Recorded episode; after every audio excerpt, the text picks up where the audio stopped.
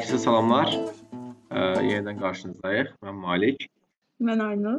Aha, bu gün maraqlı bir mövzu haqqında danışacağıq. Getdiyimiz ə, ən maraqlı 10 yer, şəhər, məkan, qəsəbə, hətta kilsə də ola bilər. Fərq eləmir.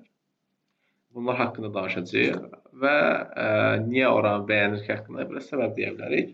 Və bir siyahı tutmuşuq və ondan geriyə doğru sayacağıq. Okay, açılışı mən verdim. Sən başla. Okay. Ondan geriyə.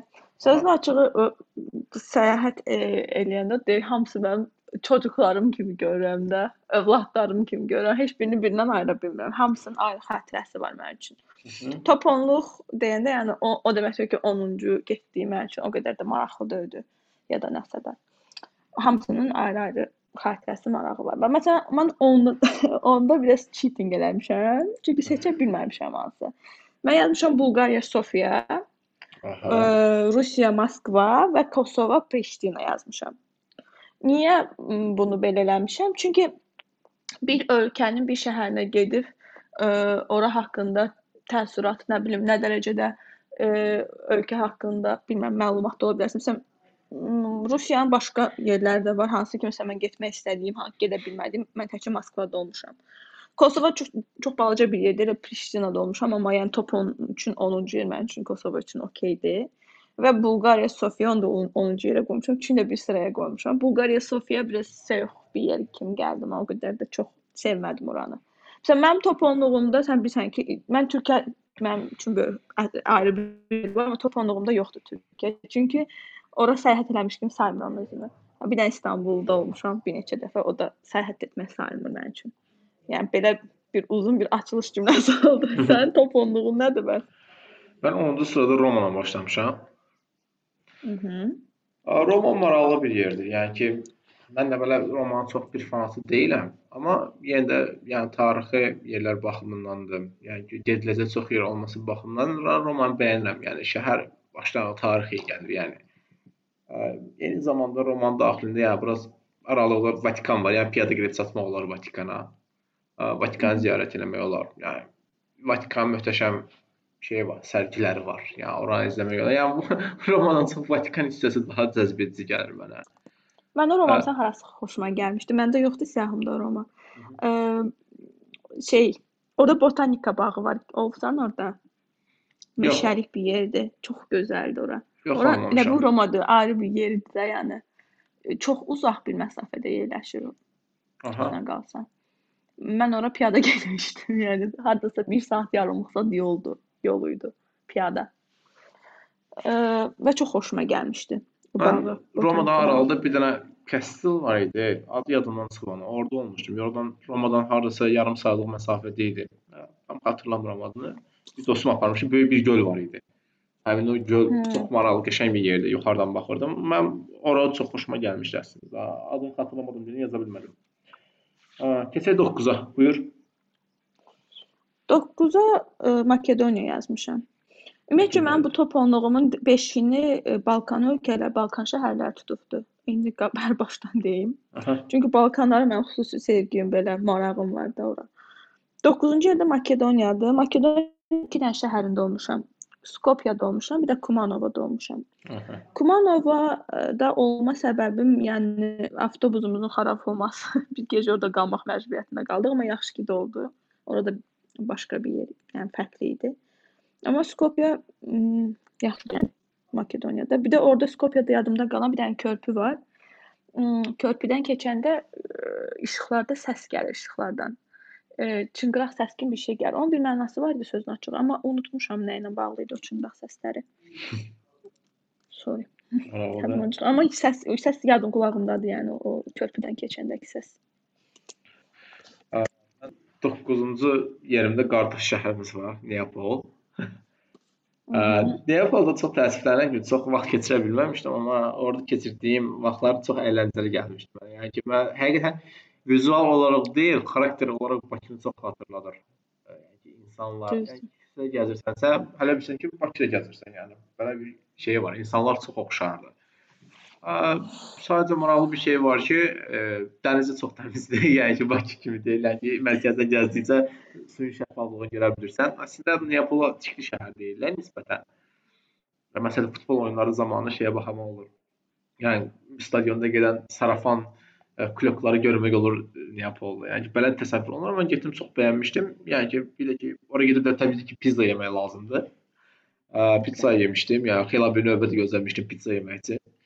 Məşhur ə, səhv eləmirəmsə, neydi adı? Yadımdan çıxdı pizzaçının adı. Çox məşhur italyanlardan. Ə, Mən yəni olmuşam orada pizza yerində, amma şeydə Eat Pray Love-dakı pizza Hə. yeri var, orada olmuşam. Hə, yadıma düşdü. Di Michele. Di Michele, yəni İtaliyanın ən məşhur pizza brendlərindən biridir, yəni ki. Ə, orada Florensiyada var idi onların bir yeri. Amma mən onun Neapolda olanını yemişdim. Yəni ki, İtaliyada hamı Di Miche- Micheleni tanıyır. Belə bir şeydir. Yəni ki, sizə pizza desə, hamı Di Michele deyər. Yəni ki, orada yeyin tipində. Amma elə bir xüsusi bir şey yox idi, yəni pizzaların. Ha, yəni ki, lokal pizzaları iki cürdür. Bir margaritadır, sən demişsən, bir də marinaradır. Yəni ki, marinara da ümumiyyətlə pendir olmur, ancaq tomatdır. Margaritada da yəni bildiyimiz tomatlar, yəni və pendir olur. Mozzarella da səhv eləmirəmsə, əgər yanılmıramsa, Hə, mozzarella-dır. Hı. mozzarella. Yəni bu İtalyan dilində də bu iki zığlar biri t kimi tələffüz olduğu üçün Aynur çox hakimdir ona. Yox, əş. o qədər də yox. 9-cu 9-cu dedi, 8-ci yerdə məndə Budapeştdir. Budapest məndə də var. Macarıstan. 3 Amma mən Budapeştin hə, məndə 8-dədir. Aha. Məndə İtaliyadır 2-də. Top 3 üçümdə İtaliyadır. İkinci yerdə Cənubudur Sən İtaliya. İtaliyanı almısan. Hə, mən İtaliya. İndi sadəcə izah eləyəcəm onu niyə məndə 2-dədir. Aha. Bu elə 8 idəyəm. 8-dən mən Budapeşti yazmışam. Budapeştdə bir neçə gün keçirmişəm. Çox keçir, vaxt keçirmişəm digər Avropa ölkələrinə nisbətən. Çünki bilirsən, rəfiqəm, yaxın rəfiqəm orada yaşayır. Ə, a- səsim getdi mənim. Yo yo eşidirik. Hə, okey. Elə bildim internetim getdi. Okey.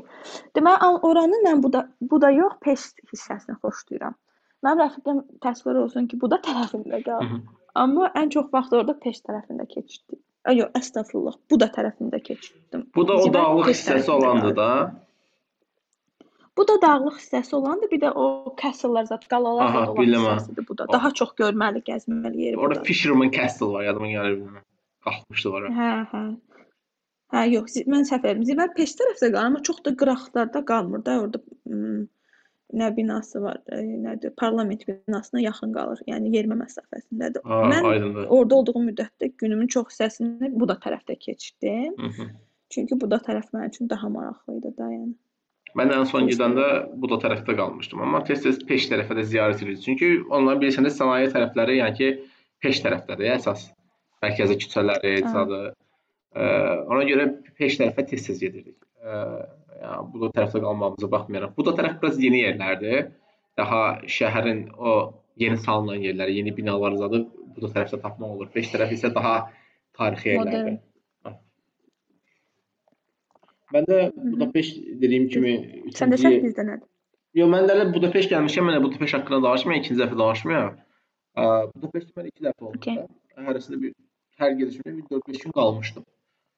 Yəni ki, çox bəyəndiyim bir yerdir. Yəni görə gənc şəhəridir. Yəni ki, küçədə gəzdikdə ancaq gənclər görə bilərsən. Bir də ki, arxitekturasını inanılmaz bəyənirəm şey Budapeşti. Yəni ki, küçələrdə o gəzdikcə o iyi hiss edirsən də, yəni ki, binaların arxitekturasını zaten Yəni ki, Avropadakı bina strukturunu görmək istəyirsinizsə, Budapeşti rahatlıqla gəzəndə çox zövq alacaqsınız, yəni həddindən artıq.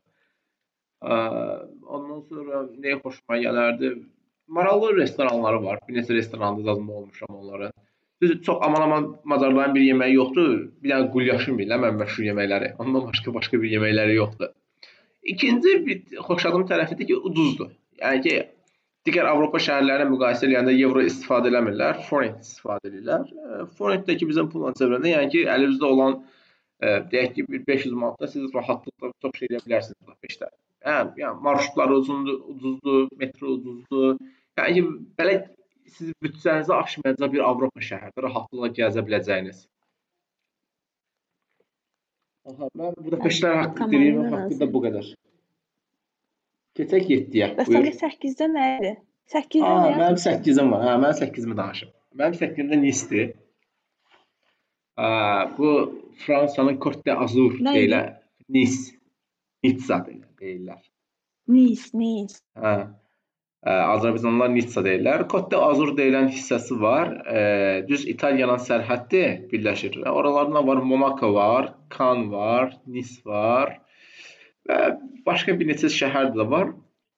Ə, mən ən çox Nice-i xoşlamışdım. İnanılmaz bir sahil şəhəridir. Monaco-dan hardasa yarım 40 45 dəqiqə, yarım saatlıq məsafədə yerləşir avtobusdan. Ə, çox necə deyim, sakit demişdim, yəni dəniz sahilində hardasa 1 milyona yaxın əhalisi var. Bir tərəfdə və dağlardır. Və çox, yəni ki, Avropada görmək istəyəcəyiniz çox gözəl şəhərlərdən biridir. Və şəhərin ən sevdiyim şeylərindən biri hər yer portağal ağacından doludur. Yəni ki, o portağal ağacları şəhərə ə, ə, əlavə bir aura verirdi. Biz qış vaxtı gəlmişdik ora. Yəni qış vaxtında yaxşı bir temperatur vardı. Hətta dənizə girənlər var idi. Yəni ki, o bir qatar vasitəsilə, yəni ki, siz o Côte d'Azur hissəsini öyrənə bilərsiniz. Bir də ki, oradan Monaco-dan ora gedən bir marşrut var. Yəni 46 il nömrəsi səhv eləmirəmsə, səhv 1 evrodursa, 2 evrodursa, o pulu verib dünyanın ən gözəl mənzərələrinə şahid ola bilərsiniz. Dəniz qırağı ilə gedən bir yolu və dənizi seyr edirsiniz. İnanılmaz bir şeydir yəni ki. Bu xoşbəxtlik 2 dollar, 2 evrodan almaq kimi bir şeydir. Yəni ki, həm Nisi yenidən də getmək istəyirəm. Yəni çox gözəl bir yerdir, inanılmaz dərəcədə. Yəni Avropanın ən gözəl şəhərlərindən biridir. Okay, bu da mənim 8-im. Mən çox eşitmişəm. Aha. Keçək sənin. Onun haqqında mən də çox eşitmişəm. Keçək sənin 7-nə. 7. Aha. 7-də yenə bir Balkan ölkəsi, Balkan şəhəri. Rumıniyadır. Rumıniyanın iki şəhərində olmuşam. Buxarestdə olmuşam, bir də Sinay, Sinaydə olmuşam. Sinayya belə yazılır. E, Buxarestdə daha çox vaxt keçmişəm, keçmişəm. Sinayev sadəcə olaraq orada vampirlərlə bağlı castle var idi. E, bu Sinaydan danışırdım axırıncı səfər, hansı ki Rumıniyanın şəhəridir. E, və orada castle-lar var vampirlərlə bağlı. E, sözün açığı mən ora yalnız o qalaları görmək üçün getmişdim. Yəni o vampirlərlə bağlı olan castle-ları. Sonra mən qərar verdim ki, çox gözəlmiş də. Kaş daha əvvəldən gələrdim. Ümumiyyətcə Rumıniya vampirlərlə oradakı hekayələr filan ə, daha çox belə də hekayələr demək də bunlar əfsanələr gəzir vampirlərlə bağlı. Yəni Rumuniyaya getsəz mütləq o qalalarda ziyarət eləyin. Biraz qorxuducu, ürküdücüdür, amma çox maraqlıdır. Aa, lap yaxşı. Belə. Sən də 7-də nə idi? Mənə də maraqlı gəldi Rumıniya. Mən də wish listimə əlavə edim. Məndə 7-də Krakowdur. Mən də Fransa var. Aha. Məndə 7-də Krak. Krak. Krakow. Krakow. Yəni Polşanın şəhəri cənubunda yerləşir. Hə, Krakow, Krakow, okey. Hə, Polşanın şəhərlərindən şəhərlərindən biridir. Yəni Ukrayna sərhəddədir demək olar ki. Krakow yəni ki, bir dağıdılmış şəhər də deyirlər. Yəni ki, 2-ci Dünya müharibəsindən sonra bir çox gettolar orada olmuşdu və bir çox yəhudi yaşayırdı oralarda. Yəni ki, yəhudilərin əsas yaşadığı bölgələrdən biri üçün Almaniyanın ona zəbt edib və bir çox yəhudinin həyatına son qoyulmuş bir şəhərdir. Yəni o qədər yaxşı bir xatirələr yoxdur. Bilirsiniz, məsələn, 2-ci Dünya müharibəsinin fəsadlarını hal-hazırda o şəhərdə gəzəndə görə bilirsiniz, yəni. İnanılmaz ə, e, küçə işləri var. Ondan sonra, yəni ki, binaları saxlayırlar. Əgər dağıdılmış binalar varsa, hələ də onları qoruyurlar, illaki və göstərmək istəyirlər. Və Krakovun ən məşhur yerlərindən biri Krakova yaxın olan bir yerdə Auschwitz-dir. Çox böyük gettodur, yəni ki, deyilənlərə görə 1 milyondan çox yəhudinin sonu olub orada. Ora gəzmişdik və necə deyim, Auschwitz hələ bir yerdir ki, girəndə belə ürpərtə tuturdu insanı. Düşünürsən ki, burada 1 milyona yaxın adam ölüb. Ə, yəni insan dəh dəhşətə gəlirdi. Yəni onun düzdür, dağıdıblar çox hissəsini, hamısını saxlamayıblar, amma nümunə üçün müəyyən yerlərini saxlayıblar ki, orada insanların qaldığı yerləri, nə bilim, e, tualetləri, zada hamısı bir-bir göstərə bilər ki, bunlar belə situasiyalarda yaşayıblar da. Səhv eləmirəmsə ki, 1 kvadrat metrə neçə adam düşürdü? 7000, 8000 adam düşürdü. Yəni belə bir yerlərdə qalırdılar. Yəni taxta kravatlar idi. İnanılmaz təsirli yerlərdə. Orada da heç yadımdan çıxmaz. E, biz gəzirdik sadəcə, özü pulsuzdu ora. Biz gəzirdik və orada guide var idi bir qız. E, orada yaşlı insanları şey eləyirdi. Deyirdi belə-belə. Müəyyən bir vaxtdan sonra bir hissəyə gəldi və ağlamağa başladı qadın. Yəni ki, o qədər təsir eləmişdi ona. İzah eləyə bilmədi artıq müəyyən bir vaxtdan sonra. Və ikinci bir maraqlı fakt da araşdırıldı ki, deyir ki, hər bir yəhudi ora gəlməlidir. Hətta deyilənlərə görə İsrail hökuməti e, yəhudiləri maliyyə olaraq support eləyirmiş ki, oraya gedib görsünlər. Ə, belə maraqlı bir yerdir. Yəni ki, getməyə dəyər yəni. Çox şey yaşayırsan orada. Hmm, mən də yazdım iş listimə. Krakova. Gəldik 6-ya. Krakova. Hə, 6 6 məndə Viyanada, Avstriya. Ə, Viyana, Məndə də var Avstriya Viyana. Hə, məndə 6-dadır. Niyə var məndə? Məndə Düzdür, orada çox neçədə- vaxt keçirtmədim. Mhm.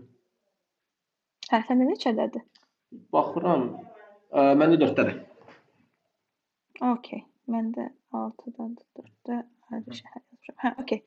Deməli, orada m, sadəcə olaraq muzeylər, e, mənim musiqi olan xüsusi marağımla bağlı orada Beethovenlə, Mozartla bağlı olan, nə bilim, e, belə deyək də, sərgi deməyim də, bəzi ümumiyyətcə orada sərgi, mən orada sərgidə də oldum. Ümumiyyətcə Viyanada gəzdiyim qədər heç heç bir e, Avropa ölkəsində muzey, sərgi, kilsə da belə gəzməmişəm. Səhv eləmirəmsə, ən axırıncı, ən çox gəzdiyim Viyanada olubdu. Çünki Viyananı belə night life zadı, yəni yaşamamışam, bilmirəm. Məncə qədər də şey night life yoxdur.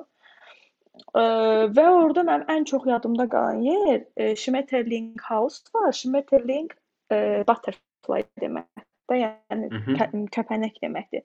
Orada ə, opera binasının yanında yerləşir Schmetterling House. M, Deməli şəhər çıxırsan çöldə tozlu şəhər, tozlu deməyim də, yəni şəhərdir, qaynayır. Sən o Schmetterling House-a girsən, bütün o şəhərin səs-küyündən, hər şeydən uzaqda, orada kəpənəklər üçün bir ev yaradıblar. Hmm. Və kəpənəkləri ora adaptasiya eləmək üçün yaşıllıqlar qurublar. Deməli orada şəlalə var. Ə, də süni yaradılmış şəlalə təbii ki. Sən o binanın içinə girsən və tamam çöldən ə, kəsirsən də əlaqəni. Hər yerdə kəpənəklər var. Sən içəri girəndə pupları görürsən, kəpənəklərin necə puplardan çıxdığını görürsən. Ə, orada hər növ kəpənək var, böyüyündən kiçiyinə, rəngarəng. Hər yerdə də uçurlar. Sən yerdiyin yerdə, gəzdiyin yerdə bir də görə bilərsən ki, o sənin qol qoluna qonubdur, ayağına. Sən də artıq o o e, mühitin bir parçası olmağa başlayırsan və o orada çox qəribə bir huzur var. Ə, bilmirəm, mən mənim çox xoşuma gəlmişdi Schmetterling House. Ə, Viyana Avstriya deyəndə həmişə kəpənək ağlıma gəlir.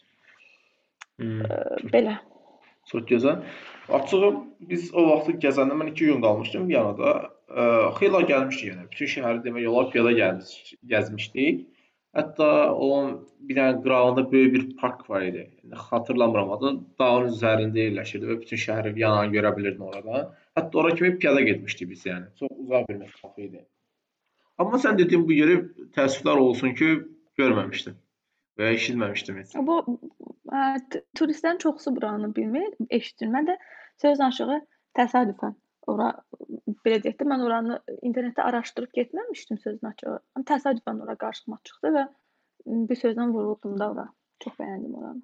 Belə sən ilk əvvəl dedin, o Viyanada Mozart, Beethoven haqqında. Mən də Viyana ümumiyyətlə necə deyim, art stildir də, yəni küçədə çoxlu insanlar görmək olar, nəyləsə məşğul olurlar, skripka çalanlar kimi, nə bilim, digər məşğuliyyətlərə sahib olan kimi. Çox özü necə deyim, sən demişkən gürültülü, patırtılı bir şəhər deyil.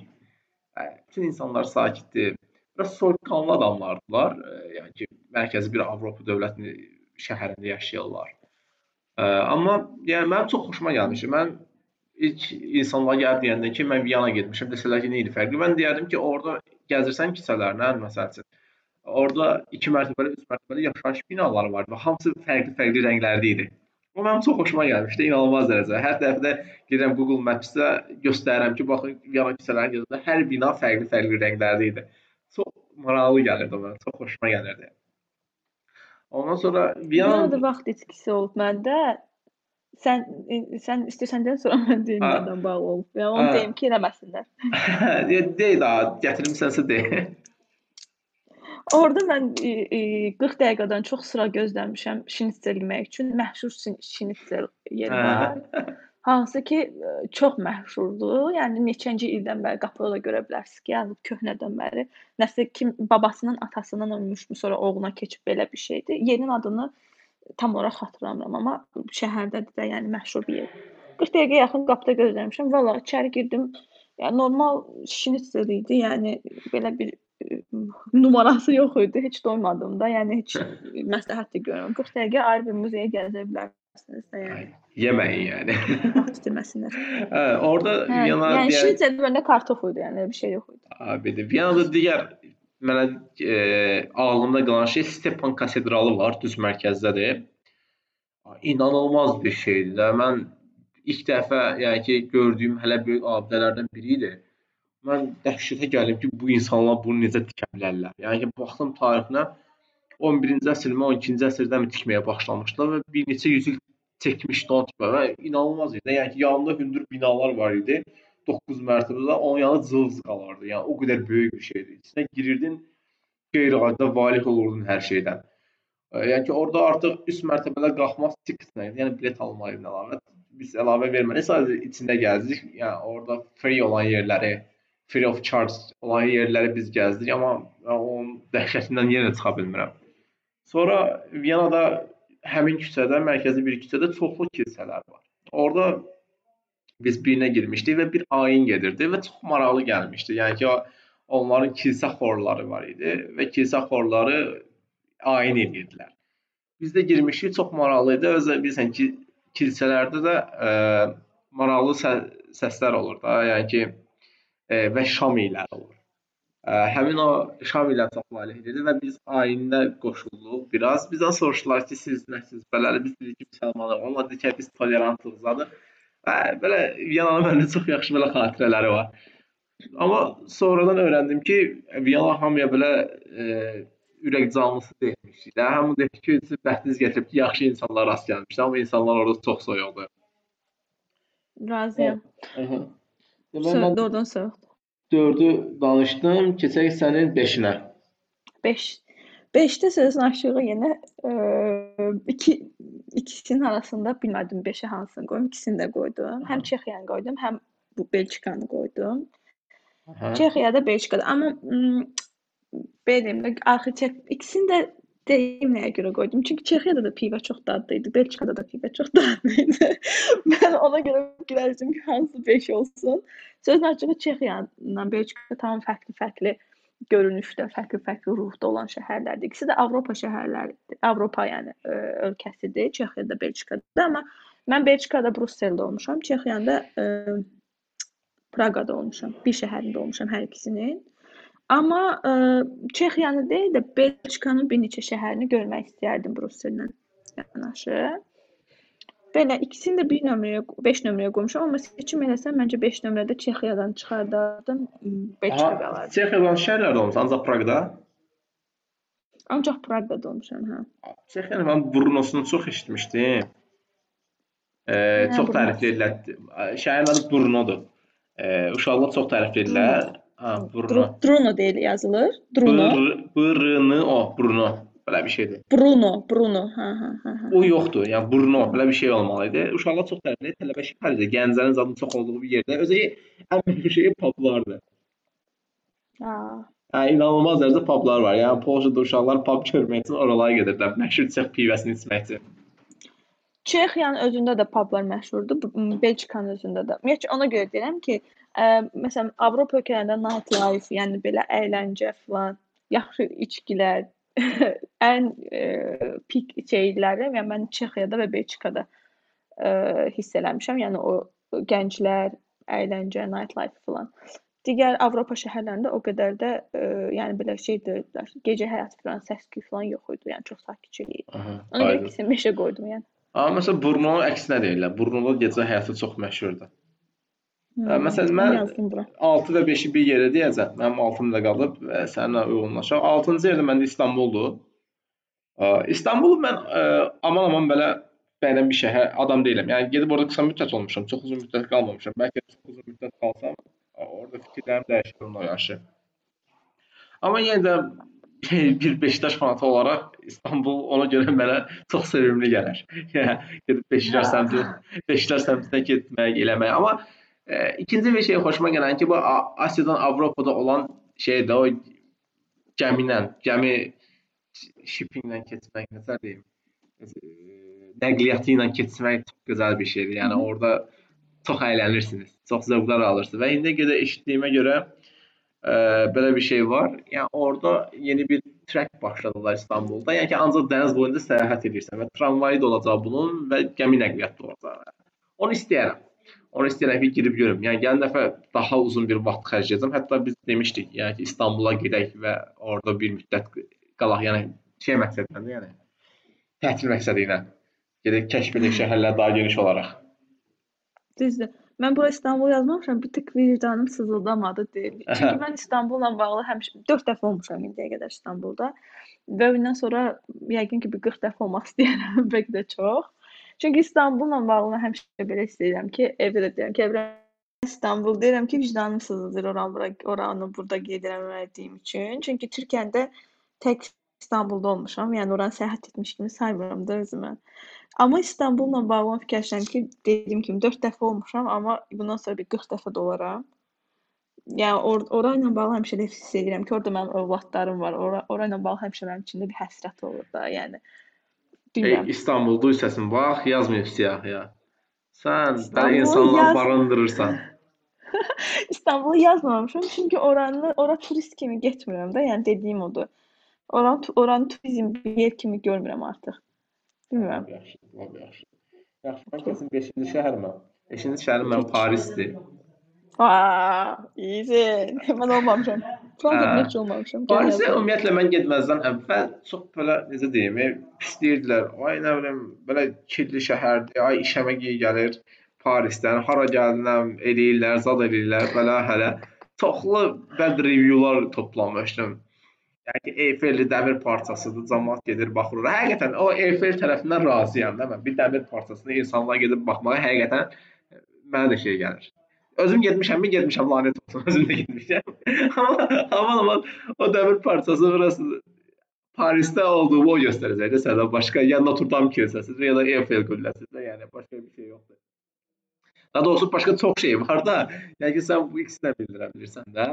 Amma Paris xoşuma gəlmişdi. Məndə inanılmaz səliqəli bir şəhər idi və ən sevdiyim şəhərlər arasında şey şəhərin içərisindən çay keçməkdir.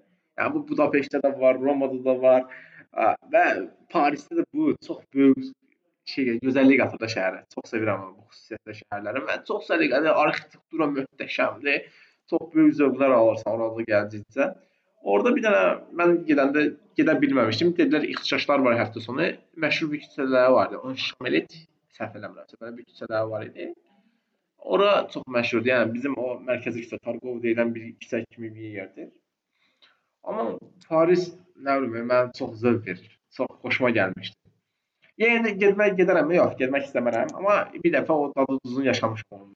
Bir də getmək istəməzsən? Yox, bahalı şəhərdir, yəni su alsın 2-3 evro çıxır eləyir. Yəni ki, ora görə mənə şey travel şeyimi üzərində yer alır o.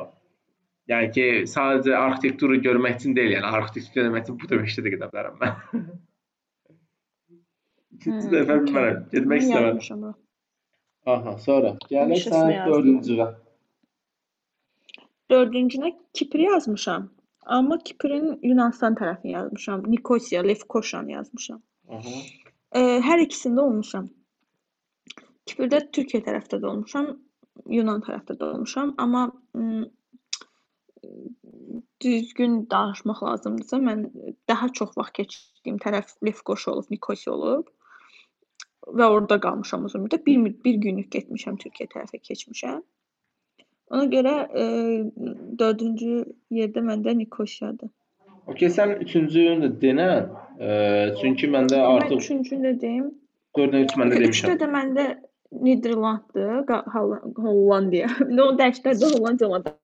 Niderland deyəsən, yox?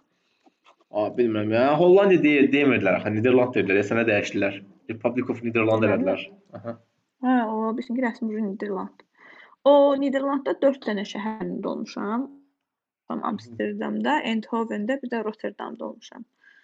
Amma ki, e, mənim top ən sevdiyim şəhər Utrechtlə Amsterdam Amsterdam idi. İki ümumiyyətlə mən Niderlandda olanda mən fikirləşdim ki, Avropa şəhərləri arasında seçib qalmalı olduğum şəhər olsa, yəqin ki, Niderland olardı.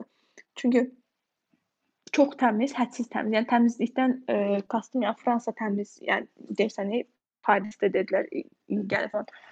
Eee, Niderlandda onun sözü belə gedə bilməz. Ümumiyyətcə Niderlandda homeless yoxdur. Heç bir yer küçədə siz, eee, şey görə bilməzsiniz də, yəni evsiz görə bilməzsiniz. Çünki, eee, ölkə o qədər yaxşı inkişaf eləyib ki, yəni sosial insanlara qarşı. Ümumiyyətcə homelesslər üçün xüsusi binalar tikirlər ki, onlar ümumiyyətcə homeless yoxdur. Görmək mümkün deyil. Çünki yoxdur. Hamısını hər şeylə təmin eləyirlər. Eee, və eee, velosipedlər, təmizlik bunları deyim ki, yəni eee, Niderland yaşanılacaq ölkədir. Avropa ölkələri arasında mənə görə. Ora bir də getmək istəyərdim. Gözəl. Gözəl. Mən olmamışam amma getmək istəyirəm mən. Xüsusilə Eindhoven-ə getmək istəyirəm. Amsterdam yox, Eindhoven-ə. Mənim 4 nəticə demişik, mənə 4-də Viyana idi, 3-də Budapeşt idi. Gəldik mənim kimi, 2-də məndə Barselonadır. Hə.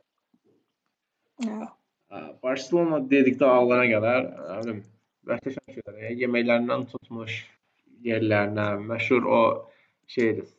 Sagrada Family bir dənə şey var, katedralı var. Böyükdür. Orada da düzdür mərtəbə getdikcə əlavə pul versən, səhv eləmirəmsə ən yuxarı mərtəbəsinə çatanda, yəni ən pik nöqtəsində 100 neçə evro idi. Əgər səhv xatırlamıramsa. Eyni zamanda məşhur bir plyaj var, e, Barcelona deyilən bir şey var. Şəhər başdan orada tarix, yəni çox maraqlı gəlir. Gothic Square çox məşhurdur. Yəni ki, şəhərin mərkəzində olan köhnə binalar insanı cəlb edir. Amma bir şey var ki, çox insan var. Həddindən artıq. Yəni ki, nəfəs almaq olmur o dərəcədə. Belə şeylər var. Yəni ki, orada da mən ən təbii ki, Barselona getdimi, Barselona klubunun stadionuna bir dəyərsən, yəni ora getmişdim. Yəni ki, sonra bir oyuna baxdım Barselonanın. Mən bir Messi fanatıyam və həmin oyun Messi'nin oynayacağı tərəfə bilet almışdım. E, demək Messi həmin oyun zədələndi. İkinci yarı oynamadı. Təəssüflər olsun ki, ikinci yarıya mən planlamışdım işimi. Amma Messi oynamadı. Yerinə başqası daxil oldu. O e, 2019-cu il idi, səhv eləmirəmsə. Bəli, 2019-cu ildir.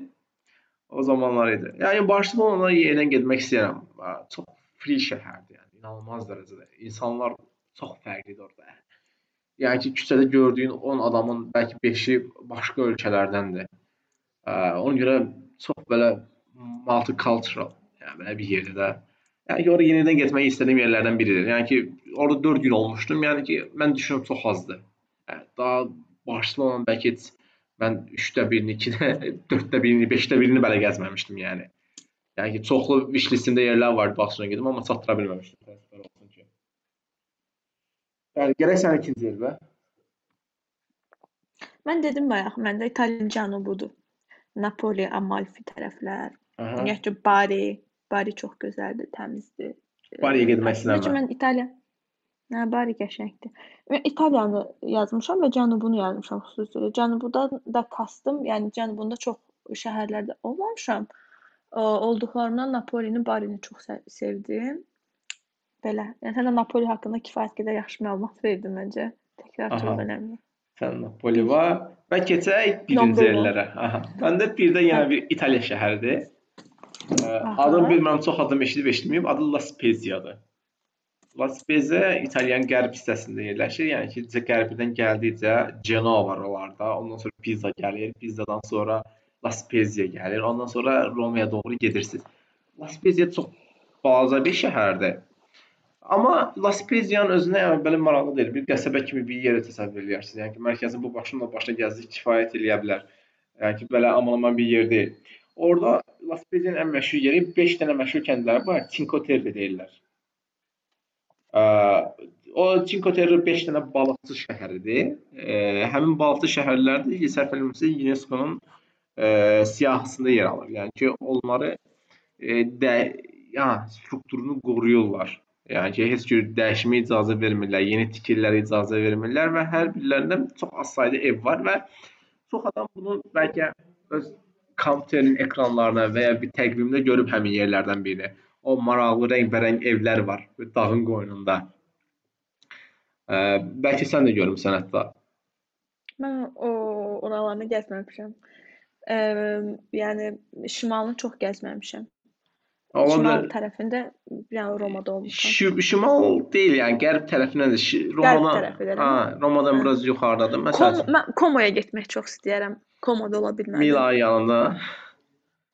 məşhur gölü var. Deyirlər hamı deyirlər ki, Milana Hə, gəlməyin. yuxarıdadır. Hə. Hə, Milana gəlməyin yerinə Komoya gedin deyirlər. Çox yaxındır səhv eləmirəm. Yarım saatlıq Hə. bir yol, yarım saat, 1 saatlıq yoldur Milana. Mən də Milana getmişdim, amma Milan biraz qaranlıq şəhərdir. Düzdür, Avropanın fashion e, capital sayılır, baş şəhəri sayılır, amma belə şəhər olaraq adam qorxuducu gəlir mənə, inanılmaz dərəcədə. Okay, keçək sənin birinci yerə.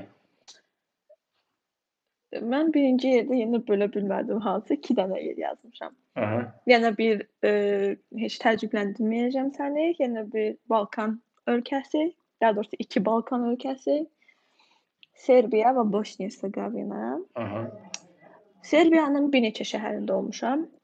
Orada Leskovac adlı şəhər var, orada olmuşam. Belqradda olmuşam. Amma Serbiya mən getsəm, e, o şəhərlər yox, yalnızca Novi Sadına getmək istəyirəm. Çünki Novi Sad Serbiyanın ikinci böyük şəhəridir, səhv etmirəmsə. Və e, səs-küydən uzaq, çox təmiz, çox rahat.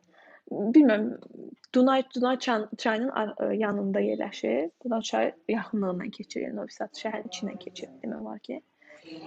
Ə, və orada çox yaxşı xatirələrim olub bəlkə də. Bilmirəm, mən Novi Sada yenə getmək istərdim. Çox sev sevirəm o şəhəri.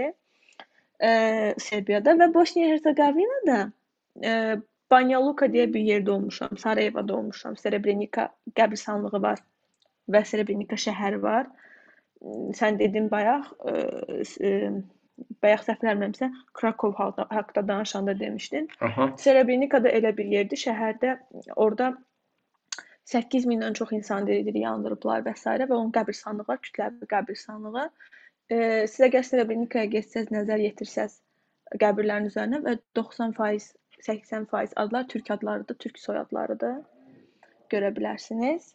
Çox təəssüf olsun ki, bu e, Serbiya-Bosniya müharibəsi zamanı e, olan faciələrdir. Amma ə, mən Bosniya-Hersegovinada Banja Luka da ə, gözəl şəhərdir. Banja Luka səhv etmirəmsə, orada həm serb pulu keçərlidir, həm Bosniya pulu keçərlidir. Yəni neytral bir zona kimi sayılır ora.